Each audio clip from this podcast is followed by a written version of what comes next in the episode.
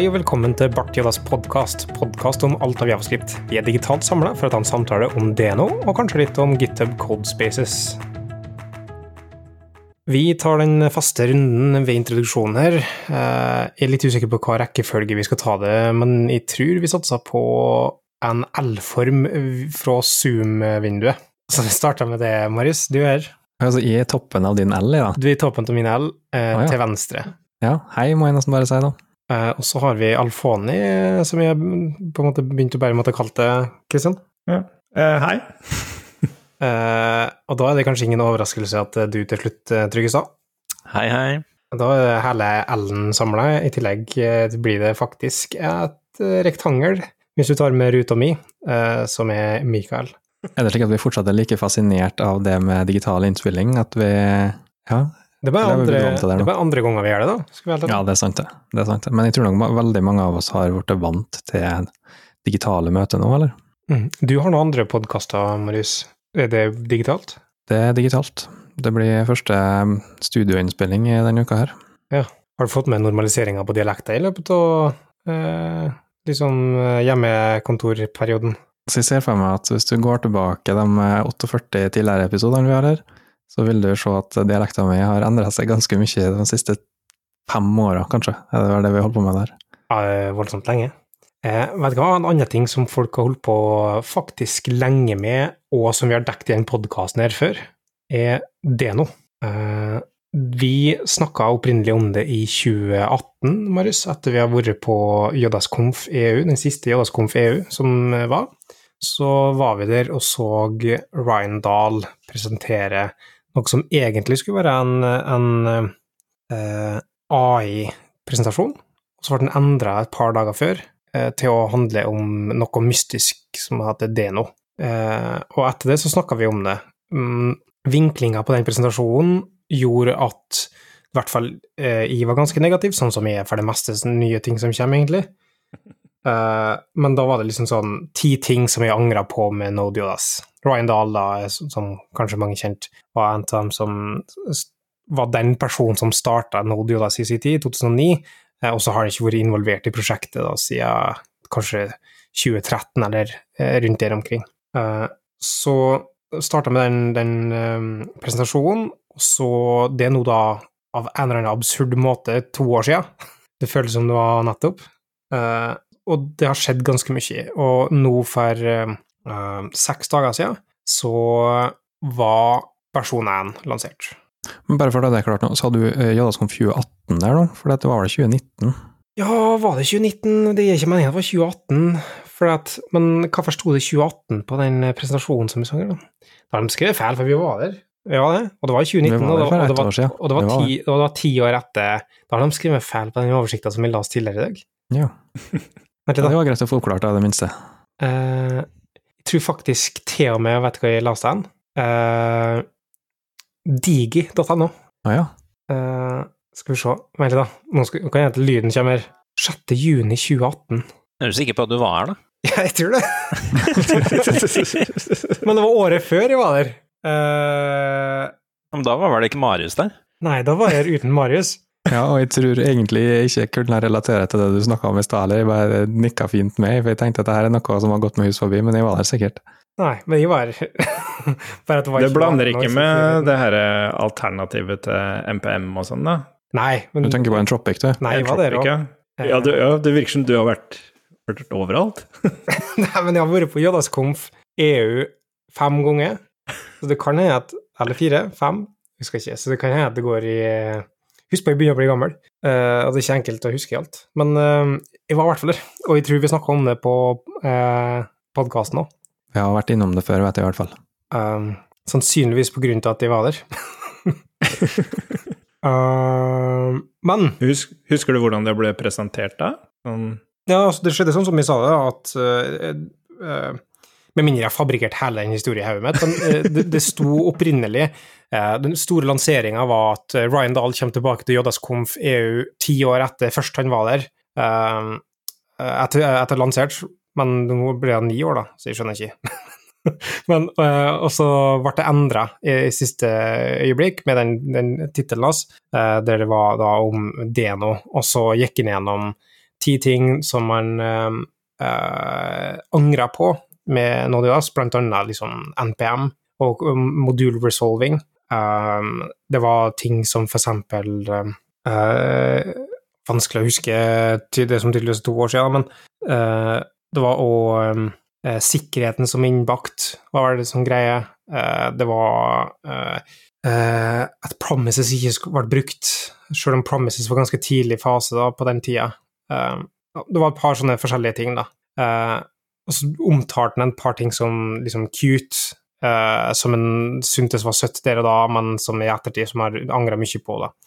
Uh, og det som jeg vil si om den prestasjonen, selv om uh, for min del så blir det fort at de blir mer negative til det når det, når det går ut på den måten, så har det fungert utrolig bra som et springbrett for det i utgangspunktet. Det er mange som har på en måte responderer positivt på den typen presentasjoner, da med at her er den uh, Ut med det gamle, her er det nye uh, bra.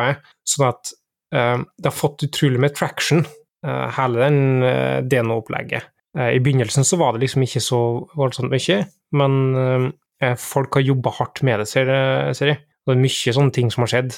for jeg har ikke ført egentlig utviklinga heller i den løpet av de to åra.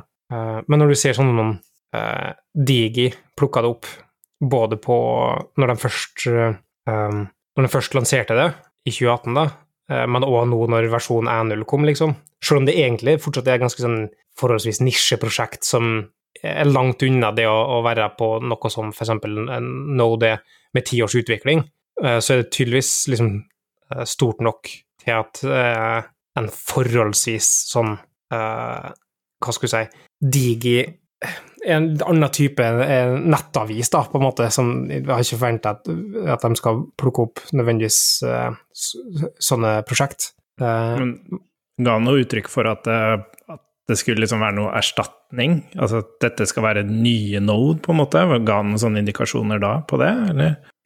Nei, altså Det blir mer implisitt, da.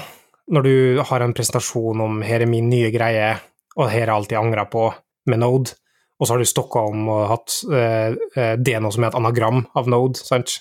Mm. Um, men umiddelbart så oppfatta jeg ikke som at det skulle konkurrere på samme grad, men heller sikte seg inn mot å være mer en, i langt større grad skriptverktøy, der du Altså kanskje mer en, en, en alternativ til bæsj, da, for eksempel. Mm. Uh, der du kan skrive enkeltstående skripter, og ikke nødvendigvis store applikasjoner. Det finnes vel sikkert folk som skriver store applikasjoner i bæsj, men jeg kan ikke ha forestilt meg hvordan det ville vært vedlikeholdt, på en måte.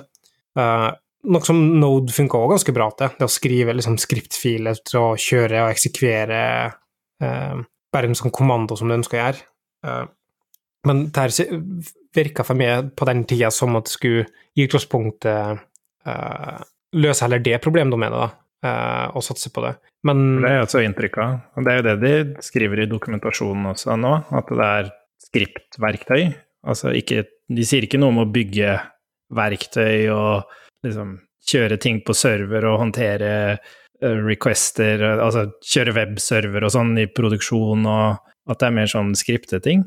Nei, er det egentlig sant? Nå er det Jeg syns de har gått over til å være en generell runtime i større grad, i. Eh, la oss snakke litt om hva slags featureset og hva slags fokusområder den har. Eh, vi vi snakka litt sånn om det med eh, permissions eller security, var det noe som vi presenterte tidligere òg. Og, og, det er en sånn highlight her, da. Det at de skal kunne ha sett eh, spesifikk I det øyeblikket du leser fra filsystemet, eller leser fra nett, så må du ha flagg når du kjører det. Så du må si f.eks. allow net, eller allow read, eksplisitt ut ifra det.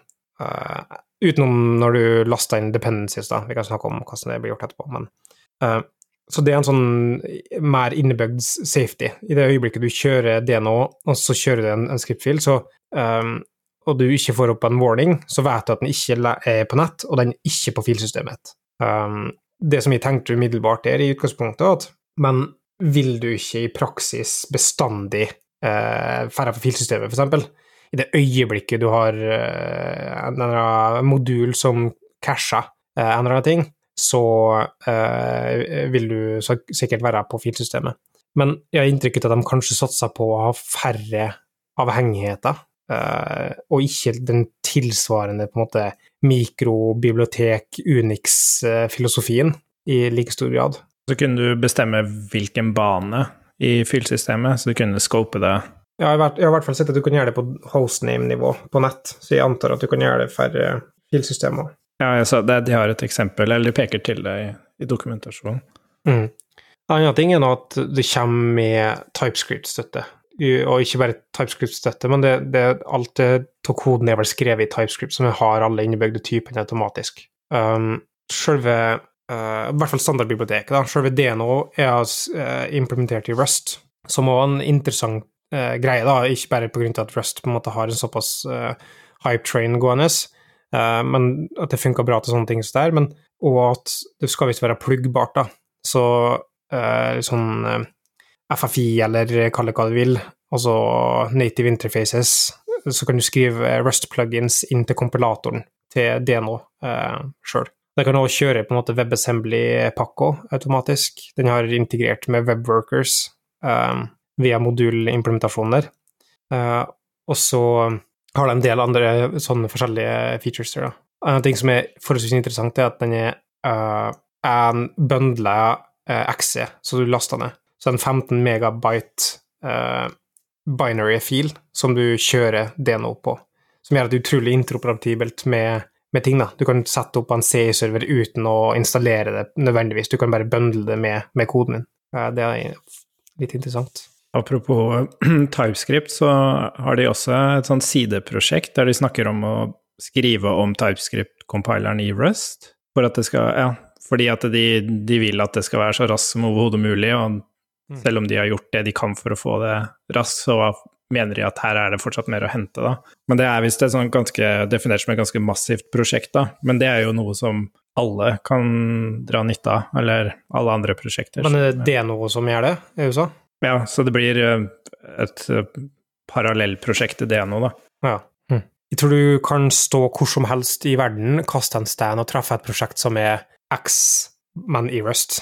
Eh, Det er så mange ting som blir, og verktøy som, som blir skrevet om til Rust for tida. Det at det Hva er greia med Rust? Er er det en enkel kortforklaring på hvorfor det er så fantastisk i forhold til det et eh, Kall det et moderne systemspråk som har eh, gode typer versus f.eks. sånn som C. da. Så det opererer i samme problemområde som C, eh, bare at den har mer, eh, et bedre typesystem i praksis.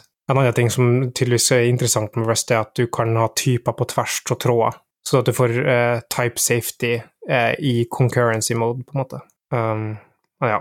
Jeg vet ikke om vi skal sånn, gå inn i de forskjellige features og highlights, uh, feature highlights med det men um, det er et par sånn, sånn uh, ting som er den største på en måte endringa, da. At uh, den skal ikke bruke skal ikke bruke NPM på noen måte. Eh, den bruker ikke en egen module resolver. Den har heller ikke en, en eh, package JSON-fil, manifest-fil, for eh, resolution-algoritmer. Hende at de bruker det for manifestinformasjon, så vidt jeg vet, men ja. Uh, og så er alt liksom internt her promises, da. Rent praktisk så tror jeg de satser en del mer altså, Jeg har ikke mye erfaring med det i det hele tatt, så jeg har bare sett på det nå siden de lanserte det, og så prøvde en time i dag og koda i det. Så det begrenser hva egentlig eh, erfaring jeg har med det. Men bare sånn på overflate, hvordan jeg sammenligner det, så er det interessant med at de eh, satser på et større standardbibliotek, har jeg eh, oppfatninga av. Og så er det en sånn hybridfilosofi imellom uh, Go og eh, Det skrevet i Rust. Standardbiblioteket er porta fra Go, uh, og grunnleggende måten uh, mye funker på, er liksom fra Node. Da. Så mye er likt fra Node, en del fra Go, og så det større standardbibliotek, jeg har inntrykket av. Det er litt spennende at de har valgt å droppe NPM eller noe som ligner på NPM. da. Du Mm. egentlig kjører import statements med URL-er til, til faktiske TypeScript-filer, da, egentlig ser det ut som ifølge eksemplene deres, i hvert fall. Ja, og det er jo litt sånn artig. Jeg Ja. husker uh, Alfani. Nei, jeg skulle bare si ja, det er kanskje noe av det jeg vil si er like stort som å droppe NPM, er at de kun har ES modules, da. Vanlig import og eksport Mm. Det er kun, kun det som fungerer. Og som du sier, da, at alle, alt det du vanligvis importerer fra Node modules, importerer du nå fra en URL istedenfor, som virker kjemperart for oss. Vi er vant til å installere først, og så eh, har man det tilgjengelig og importerer det, mens nå importerer du det bare, og så installeres det når du kjører det. Ja, jeg tenker det gir litt, eh, litt utfordringer i forhold til versjonering og sånt, da. Du har versjoner som en del av URL-en. Ja, du må ha versjonen som en del av URL-en, men hvis du sier at du skal bruke det her til å lage en eh, litt større applikasjon da igjen, Mm. blir det fryktelig masse search replace hver gang du skal oppgradere. Ja, Sikkert altså- noe alias, tror jeg ikke. Nei, det du, det du i praksis gjør, og det her, jeg, jeg tror det er sånn det samme Jeg tror det her er på en måte tankesettet som man har tatt fra Go òg, da. Uh, der du bruker URL-er direkte til filer på nettet i Go. Eh, og det, du, det de anbefaler i praksis å gjøre, er at du har en entry-fil som refererer til den fila, og så refererer du lokalt til den fila i stedet. Så for eksempel hvis du skal Ja, du dere skjønte den? Ja. Uh, så, så det blir liksom ikke Jeg tror ikke nødvendigvis det kommer til å bli pro, pro, så problematisk, da. Men Nei, da- da legger en jo- eh, Legger jo egentlig opp til at du skal lage sånn her um, Hva heter det i domain driven design, da, når du um, prøver å lage en firewall, eller hva jeg skal si, mot uh, tredjepartsavhengigheter? Ja, du tenker på eh, Det heter Åh Åh, hjelp meg. Da får ikke Mikael sove i natt. Eh, nei, eh, det er ikke så lenge siden jeg eh, jeg har, eh. Nei, jeg kommer ikke på hva det heter. Men uh, Men ja, eh, i praksis er det adapter layer, da. Eh, men den, den har en sånn AACC eller et eller annet ANC access eh, construct, whatever. Men det, det er mappinglaget som håndterer eh, tilfeller der du skal normalisere din datastruktur internt, eh, tenker jeg på. mm. Um, jo, men her så har det eksplisitt API-er, da, så det blir bestandig en, det som i, i DDD kalles en eh, eh, Ikke en konsensus-driven, men en, en eh, produsentdrevet something. Det at du bare må føye det til API-et. Ja. Um, og, og det gjør da på en måte mening her, da, for at eh, hvis du refererer til en, en fil som er en spesifikasjon, så skal ikke den i praksis endre seg. Uh, men så kan du nå si at det, det er en URL her, så det kan det endre seg hvor som helst. Så, så der sier de i praksis at du burde laste ned alle avhengigheter lokalt. Ja, for det er ingen, ingen verifisering av noe hash eller noe som helst her, det er bare URL. det finnes vel noe sånn integrity checking til noe slag. Jeg er ikke sikker på hvordan det funker. Uh, men uh, i praksis er det liksom sånn last ned lokalt, uh, bruk statiske URL-er, eller med versjoner, og så blir det bestandig bøndlet med dependencies. Men har det ikke vært nevnt av flere at litt av svakheten med Go er mangelen på et sentralt pakkeregister, og at det av det er vanskelig å finne tak i de eksterne avhengighetene man har lyst til å bruke? Ja, sant, og der kommer vi tilbake til det inntrykket som vi sitter igjen med, da, uten å ha noe grunn til å ha det inntrykket egentlig, men um, det virker som de her i utgangspunktet heller satser på å gi sane standardbibliotek, og uten å belage seg altfor mye på eksterne avhengigheter, da. At jeg tror det vil være mindre liksom, økosystembehov eh, her. Jeg er ikke sikkert det stemmer, eh, og det, du kan fint um, patche det med verktøy, på et vis. Det å ha et sentralt uh, I stedet for å ha et sentralt lager for det, så kan du ha et sentralt register for uh, hvor de er lagra hen. Uh, altså, Mm. det gjør det noe med mange forskjellige ting. Men Vi, vi var jo så vidt inne på litt i stad i hvor stor grad det nå egentlig var tenkt å ta over for Node. Eh, og man kan jo spekulere i hensikten deres når de har et eget, eh, et, nesten eget kapittel på introduksjonen sin der de sammenligner seg sjøl mot Node. Er det, Mm. er det på grunn av at de ser for seg å bli det en gang i framtida, og i så fall har de et forsprang på sin utvikling mot å bli det, med tanke på at de kan bygge på alle de erfaringene de gjorde ved å bygge Node i utgangspunktet? Jeg tenker det er litt sånn Oi, unnskyld. Nei, bare kjør du, Kristian. Ja, nei, jeg er litt sånn forvirra. Jeg lurer på om kanskje de er litt sånn De bare holder det tilbake litt. fordi for en del av det, rundt filosofien, så skriver de at det nå er en, en god erstatning eh, for utility scripts, som historisk har, sånn som du sa, Michael, skrevet i vers eller Python. Og det er på en måte det de selger det inn som, men så sammenligner de seg med Node. Det føler jeg er sånn som Node også dekker jo det området, men Node er jo mye mer når du tenker type prosjekter og hva du faktisk bygger med Node. Så, men kanskje det er Node var Jeg vet ikke hvordan Node starta. Starta det som Deno starta, og så ble det noe mer. Og Mm. kanskje det er akkurat det det gjør nå, da. Ja, eh, og det er det jeg tror òg, da, eh, at eh, Og jeg, jeg husker jeg husker når Node ble lansert, og, og mye til den snakket rundt det da. Eh, Var du der, eller? Når det ble Ja, ikke, så, ikke så langt unna. Uh, uh, det var vel på um, JS-konf i, i, ja, i 2009, da. var Ikke? Jeg var ikke der for så vidt, det var et par år etterpå. Men uh, ikke var det i 2018, tror jeg. Men det var Han ville bare ha en sånn miljø for å kjøre skript, på en måte. Bare sette i gang det kjapt. Eh, Og da mye mer sånn Unix-filosofien, der det at alt er pipa inn, og, og alt er bare små eh, liksom streams i, i i større grad. Um, mens her, jeg vet ikke, jeg kan se for meg at de kanskje kommer til å utvikle etter hvert òg, men det er kun spekulasjoner. Spekulering, det vi gode på her på podkasten. Eh, Må du, må du installere noe runtime her, eller er det bare å kjøre en pakke du laster ned vilkårlig fra nettet? Michaels eh, flotte utilityscript.ts. Du kan installere det via Deno, så i praksis skriver du Deno install, og så last, refererer jeg til den TS-fila. ja. Ja, så det blir, det blir på samme måte som at du i Python må ha Python-runtimen, og i Node må ha Node-runtimen på plass før du egentlig kan kjøre noe. da. Ja, men som sagt så er DNO an, an executable, det er an binary, Ja. som uh, uh, ligger Som du i praksis bare laster ned, da. Uh, og du kan laste ned på mange forskjellige måter, blant annet med homebrew eller ja, whatever. Ja, så det har, det har på en måte en fordel der, da, at det er litt enklere å, å få installert på maskina di enn en de to andre Ja, sånn, slåss mot, på en måte. For at du er ikke avhengig av å installere på noe sånn stor måte, egentlig. Du er, altså, hvis du skulle skrevet en C-skript, da, så kunne du ha fint gått rett inn på github.com, dnoland slash dnoreleases, og lasta ned den nyeste releasen derifra som en zip. Du kunne unzippe den, og så kjørt ting automatisk derifra. Eh, så i praksis kan det også bety at du kan bøndle ting som en XE-fil, eh, og bare bruke den som en CLI eh, med bøndla eh, ting. Eh, og det finnes alternativer for å gjøre det tilsvarende på Node, med å bøndle inn som en self-contained uh, miljø, men ikke på langt på nær sånn som det her. Du har den der uh, PKG, eller hva det er, til, til Versal, eh, tidligere Site, eh, som gjør det blant. Men da er det sånn en stor, en helt egen sånn engineering-ting på toppen der, da, i stedet for en, en single executable som du kan bare referere til. Hva er brukerscenario for, for det? Er, det? er det måten du pakker apper på for å gjøre det enklere for andre å kjøre det, liksom?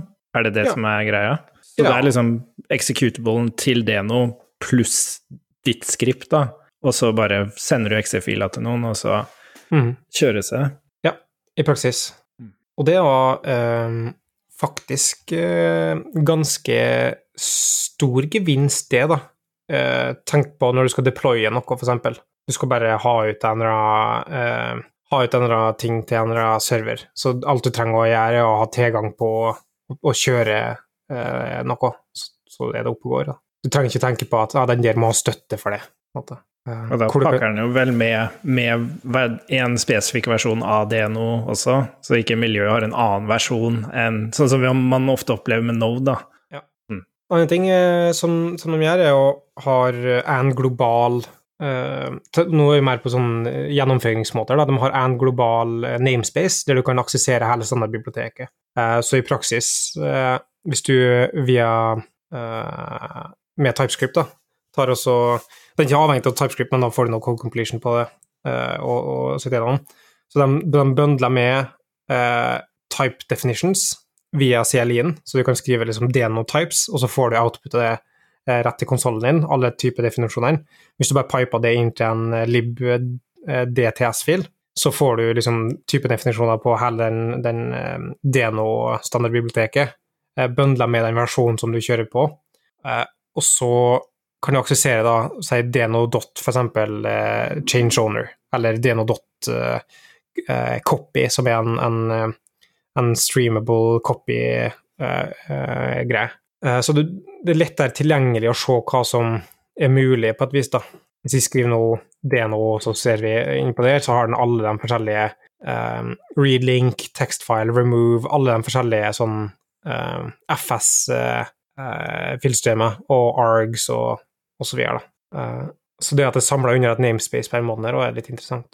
Det virker også som omfavner uh, generators og async await og Altså, bare Jeg husker jo hvordan man satte opp HTTP-server-eksempelet med Node første gang, og det var sånn mind-blowing hvordan hvor enkelt det var kommet i gang med det. Men her sånn, så det samme eksempelet uttrykkes annerledes med det nå, da, på grunn av at de bruker nyere uh, features i språket. og hva, hva, tenker, Det lurer jeg litt på hva du tenker om, Mikael, at de bruker at det, Er det enklere, eller er det vanskeligere, eller er det bare for å være fancy at de gjør det, eller? Jeg vet ikke. Altså, du, du vet noe med at de er Uh, jeg syns generators er et vanskelig pattern å forholde seg til på async-nivå, eller som, som, en abstraksjon av um, liksom laziness i asynkronitet. Uh, og for eksempel sånn som du sier, da, når du skal lytte på en, uh, hvis du skal lytte på en server, i det tilfellet her, så tar det i praksis så tar en awaitable på en iterator. og for hver gang du får inn en connection på listeneren, så eh, trigges det den, den loopen. Så eh, det er en ganske Jeg vet ikke Jeg sliter med å på en måte tenke Er det, som du sier, for å være fancy, eller er det faktisk et moderne pattern som den bare må tid til å eh, um, Tid til å modnes, da. Mm. Nei, det er det jeg også lurer på. Litt sånn som vi så på Hva det heter? Crank? Vi så mm. forrige gang. At det er litt sånn Den mentale modellen der Altså, alt som er nytt, er per definisjon skummelt. Men så er det mm. litt det, det du uttrykker i kode. Hvor mye må du bygge inni hodet ditt for å liksom forstå hva den koden gjør, da. Og det, det er litt spesielt eh, ja, jeg klarer ikke helt å skille på det ennå, om det er bare fordi det er nytt, eller om, om det faktisk er vanskeligere å forstå det. Um, fordi det er rett og slett bare mer som skjer i bakgrunnen der. Um, Men du har tror, å bygge hodet. Jeg tror sånn som det her, det her bruker de faktisk altså uh, available iterators, sånn som språket har definert det. Så det, de bruker det sånn som det er intended to. Så jeg har mer toleranse for en sånn, eh, å tilvenne med det tankesettet der, enn eksempel Redux Sagas, da. For der tar du et pattern, eller du tar en språkfunksjonalitet, og så uh, applyer du den på en kreativ måte for å oppnå en annen abstraksjon. Uh, så det er nesten, nesten liksom sånn misbruk av, uh, av Eh, abstraksjon i stedet. Um, og da er det vanskeligere å mentalt tenke å uh, switche over det i hodet mitt, da. Mens her så er det Jeg tror det er mer at det er ukjent. Ja, fordi jeg tenker, ta, ta det eksempelet du hadde nå om at man itererer over hver connection. Det ser ut som man itererer over den samme connection hver gang, men så er det mm. egentlig mm. forskjellige connections. Og det, bare det å uttrykke noe som ser ut som én ting, som er flere ting, som også er i andre språk, med, der du har flere tråder, så leser du koden, og det ser ut som du, koden kjører sånn som du leser den, men så skjer det ting innimellom der som ikke koden uttrykker, da, på en måte. Det er det jeg, det er der jeg faller litt av foreløpig, i hvert fall. Men det er nå i praksis akkurat det samme som du ville gjort med Node, bare der bruker du vent listeners, og så har du et callback inni den som får en ny connection. Her så er det jo samme, bare at du itererer over en eh, lazy liste som har promises som blir generert for hver gang du har en ny connection, da. Mm. Jeg syns den første forklaringen var igjen fordi jeg kjenner til det. Det var enklere å bygge mentalt bilde av. At man lytter til noe, og hver gang det skjer noe, så kjører du kode. Du liksom itererer ikke over en liste, en liste, er en liste, den har en start og den har en slutt, mens den lista her har aldri noe slutt, på en måte. Det er det som er rart. Men, Men nå sklir vi kanskje litt over i ja. for teknisk. ja, Men jeg, gud forby at vi blir tekniske på plassen nå om programmeringsspråk. For all del. er det slik at den nå bare kjører på én tråd, eller? Den har støtte for webworkers. Ja, så den, den, fungerer som Node, da, egentlig, med at den er by default én tråd, men så kan du spåne webworkers for å få opp uh, parallelliteten. Ja, den, den, kjører fortsatt på V8 som runtime, så det er fortsatt en single-fedded uh, event loop. Uh, så på en måte konseptet der er ikke nødvendigvis endra. Den er bygd oppe på, på, V8 og bruker den samme motoren. Uh, bare med, sikkert en enklere måte å, å håndtere det på. Eh, nå er vi på tynn is, men sånn uh, Det var mye arbeid som skjedde i begynnelsen med V8 for å tilpasse det til å kunne kjøre i Node rundt der, LibUV og, og sånne ting. Og der har det skjedd utrolig mye endringer, så vidt jeg skjønner, med å modernisere hele den greia. Derfor det har vært mulig for Node å drive og holde oppdatert òg. Eh, men så mistenker jeg at her er det enklere, enklere De har hatt en enklere jobb å interagere med V8 som motor til å kjøre runtimer på, da. Eh, og kanskje de har unngått en del av de historiske artefaktene som Node måtte ha håndtert for å bygge en runtime oppå der. Mm. Ja, jeg, jeg ble sånn Jeg er nesten litt overraska over meg sjøl at de virka Når de forklarer det, så virker jeg så positiv. uh, og jeg, jeg, er egentlig verken positiv eller negativ foreløpig, for jeg har ikke noe erfaring med hva det er for noe. Uh, men, God gammeldags avventende, egentlig. Ja. Uh, men sånn fra teknisk standpunkt interessert, da. Um. Og så syns jeg det er interessant å se litt Hvis vi ser noe uh, litt Tar fugle, fugleblikk, fugleperspektivet, og så ser vi litt på de verktøyene som kommer de siste åra, og så analyserer vi litt sånn forskjellige milepæler utover i, i um, Javascript uh, og nærliggende runtimes historie, så kan vi se at de verktøyene som kommer ut nå, som er liksom større og som har litt traction, de pakker vekk mye. De eh, har økt eh, abstraksjonsnivået en del. Så det er ikke mer fullt og små forskjellige brikker som du setter sammen sjøl eh, for å få ting til å henge på plass, men det kommer mye mer innebygd. Uh, sånn som her òg, så er det en runtime som har typedefinisjoner innebygd. Den har type uh, Den har uh, TypeScript-konfigurasjon innebygd. den kommer med sin egen kodeformaterer. Så ikke bruker på en måte Pritter, men den kommer by default med å formatere ting. Likt sånn som du ofte ser i andre plattformer. da. Eh, for du har det f.eks. i .net-verden, så har du det. Da kommer vi uh, der. Med Flutter sin kjøretid, der òg har du det. Egen formatering. For, for, det gir mening. For du har det allerede abstrakte syntakstreet inne, så da gir det mening å kunne tilby en måte å printe det ut på i en golden standard. Så du kommer mer og mer over til plattformer og verktøy som kommer med sine ferdige golden standard, som vi bare aksepterer i stedet. Så du går kanskje mer vekk fra den tankesettet med at det er litt sånn uh, semi-anarkistisk eller, eller uh, libertarian, på en måte, der du skal kunne gjøre akkurat hva du vil, uansett når du vil, uh, og ta alle valg sjøl, da.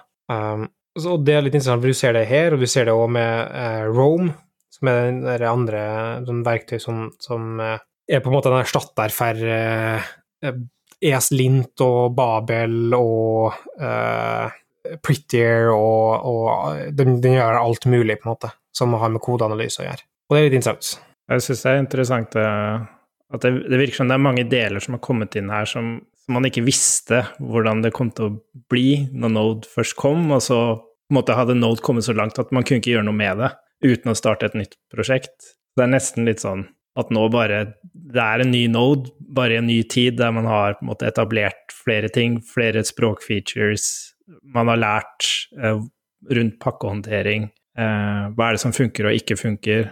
Og så prøver man på nytt, da. Og så kommer man sikkert til å gjøre noen feil nå igjen, og så går det da x antall år, og så kommer det en ny, nytt anagram, og så er vi i gang igjen.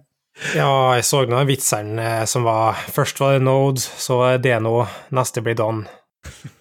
Var det noe innimellom der, da?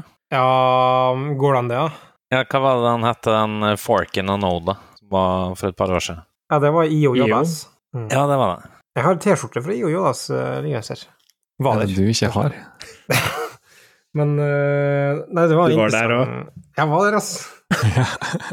Snakka med en uh, Michael Roger. Uh, prøvde å få uh, sixpensen hans på et veddemål på, på.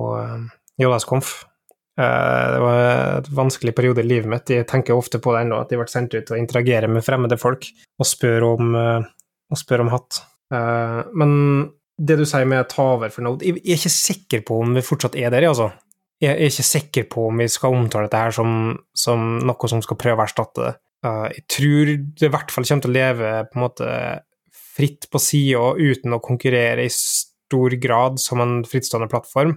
Uh, og så vil tida vise på en måte om den faktisk kommer til å uh, prøve å på en måte bryte ned litt av den uh, tross alt bautaen som har blitt Nodidas. Fin konklusjon, egentlig. Og så tror jeg faktisk vi ikke rakk å snakke noe om Codespaces. Jeg mistenker det, ja. Mm. Vi får ta og spare det til neste episode, tenker jeg. Jeg kan gjøre. Er det noen som har andre refleksjoner som vi skal ta før vi avslutter helt, eller er, det, er vi good? Vi er vel egentlig good for min del, i hvert fall. En ting som vi la merke til som det kan være verdt å nevne på tampen, er jo at uh, Deno always dies on uncaught errors. Er errors. Mm. Det bringer jo med seg en slags form for trygghet. Ja, uh, og dere er vel en sånn uh, Ja, det, det, står under, under 'comparison to Node JS', for der tar den vel svelget og gir en warning, og at det, det deprecater. Så Node JS har vært på vei i den retninga i tre år ennå, tror jeg, der den gir en warning på uncaught errors. Så, så står det 'this will' change in the future, eller noe sånt der. Mm. Uh, men ja. Det er jo egentlig i tråd med um, all den form for uh, uh, måte vi ser prosesshåndteringa da, i, i, moderne skyarkitektur og egentlig. Det at du skal um, heller satse på å spinne opp på nytt. Være kjapp på å spinne opp. Og jeg vet ikke hva oppstartstida her er, da, men jeg vil anta at ja, det hadde vært interessant å se hvordan modulhåndteringa her, med, med, lokale filer som bare refererer til hverandre og laster ned ting, eh, hvilken oppstartstid vil være på det, på store prosjekt? Aner ingenting. Kristian Tryggestad, kan du ta et 30 sekunder med hva Codespaces er, før vi Codespaces. I tilfelle noen er skuffa over at vi aldri rakk å touche inn på det. Ja, nei, nå har jeg ikke rukka å satt meg så fryktelig masse inn i det, men uh, sånn jeg forstår det, så er det egentlig Visual Studio Code i uh, enten nettleseren din eller uh, som en faktisk Visual Studio Code kjørende på PC-en din opp mot en remote server, da, egentlig. Så du får egentlig et miljø i Microsoft Asher, da. Har ja, mulighet for docker images du kan sette og konfigurere opp hele skymiljøet ditt, og så får du i praksis en, en utviklermaskin som du kan sitte og, og, jobbe på og ha tilgjengelig fra hvor som helst, når som helst. da. Når du beskriver det på den måten, så er det ikke så langt unna f.eks. sånn som Husker du Cloud9? Ja, der det starta. Ja. Jeg koda på Cloud9. Jeg kjøpte meg en Chromebook og koda på Cloud9 for å se om det gikk an å, å liksom kode i skya. Og det, ja, det er bare det at VS Code da, det er det som har seriøst åpna muligheten for å faktisk sitte og kode i nettleseren nå. At de Microsoft har Det, det så jeg aldri komme når Microsoft først kom med VS Code, at de faktisk tok det skrittet og la forbi at Atom, var det den, det den het? Mm. den andre. Nei, men, det finnes fremdeles, da. men ja, at de har fått det her til å kjøre så bra i nettleseren, er bare helt sinnssykt. Det er noen svært dyktige engineers hos Microsoft, altså. Eh, når vi har det, det kan hende det er dårlig gjort å spørre, jeg har spurt det tidligere, men er, er det sånn så Du, du jobber da med Code Sandbox som på en måte et alternativ til det her? Ja Ja, er det sånn? Nei, altså, det her er jo at, sånn som Kristian er inne på, at du har liksom en container kjørende i Asher, og det er egentlig ditt lokale miljø i nettleseren, mens Code Sandbox er jo Ta bare det å åpne da, prosjektet ditt. Det tar ganske lang tid i Codespaces, og hvis du mm. skal hoppe eh, Og igjen, da, det er liksom deg, ditt miljø og deg og det prosjektet linka sammen, mens Code Sandbox er et utforskende uh, økosystem der du går og uh, kan gå inn og teste svelte, og så kan du gå og teste React, og det tar ikke noe mm. tid å laste noe av det. Mm. Og du prototyper Ler du? Nei, altså Tenk om du skulle starte opp en container hver gang du skulle teste en ting, eller noen delte en URL med deg, f.eks. Sjekk ut det her. Og så må du fyre opp en container. Det er, sånn, det er en helt annen uh, opplevelse, da. Så, men igjen, da. Det Code Sandbox har jo containerkonsept også, og det tror jeg kommer til å smyge litt sånn til sides for og heller fokusere på akkurat det Code Sandbox er, er sterk på, da. Og det er den prototypinga. Ting kjører fort, og man bøndler jo alt i klienten. Og eh, så er det collaborative by default, da. Mm. Så du solgte inn Code Sandbox den gangen her, da, Kristian? Åh, jeg bare kjenner bare, bare trigger ut, så bare renner det ut. Jeg tror ikke vi skal gå mer inn på eh, code spaces eh, akkurat nå. Eh, det kan nå være sikkert fornuftig å vente til vi har fått beta-inviten, eh, så vi får sjekka det ut eh, på egen hånd. Ja, det blir spennende å se ytelsen på det, i hvert fall. Mm. Og prisinga òg, for så vidt. Den endelige prisinga. Ja, ikke sant. Uh, Deno kan du sjekke ut eh, med å se på deno.land, i hvert fall, eh, og, lese på ting der. Eh, og så gjerne dele dine tanker, erfaringer, enten på Twitter, på at underscore Bartidas, eller på Slacken, Tryggestad. At Larifax på Twitter og Slack og GitHub og det som er. Men hvordan kan de snakke med deg på Slack, da, hvis de ikke har URL-en til Slacken? Ja, det, ja.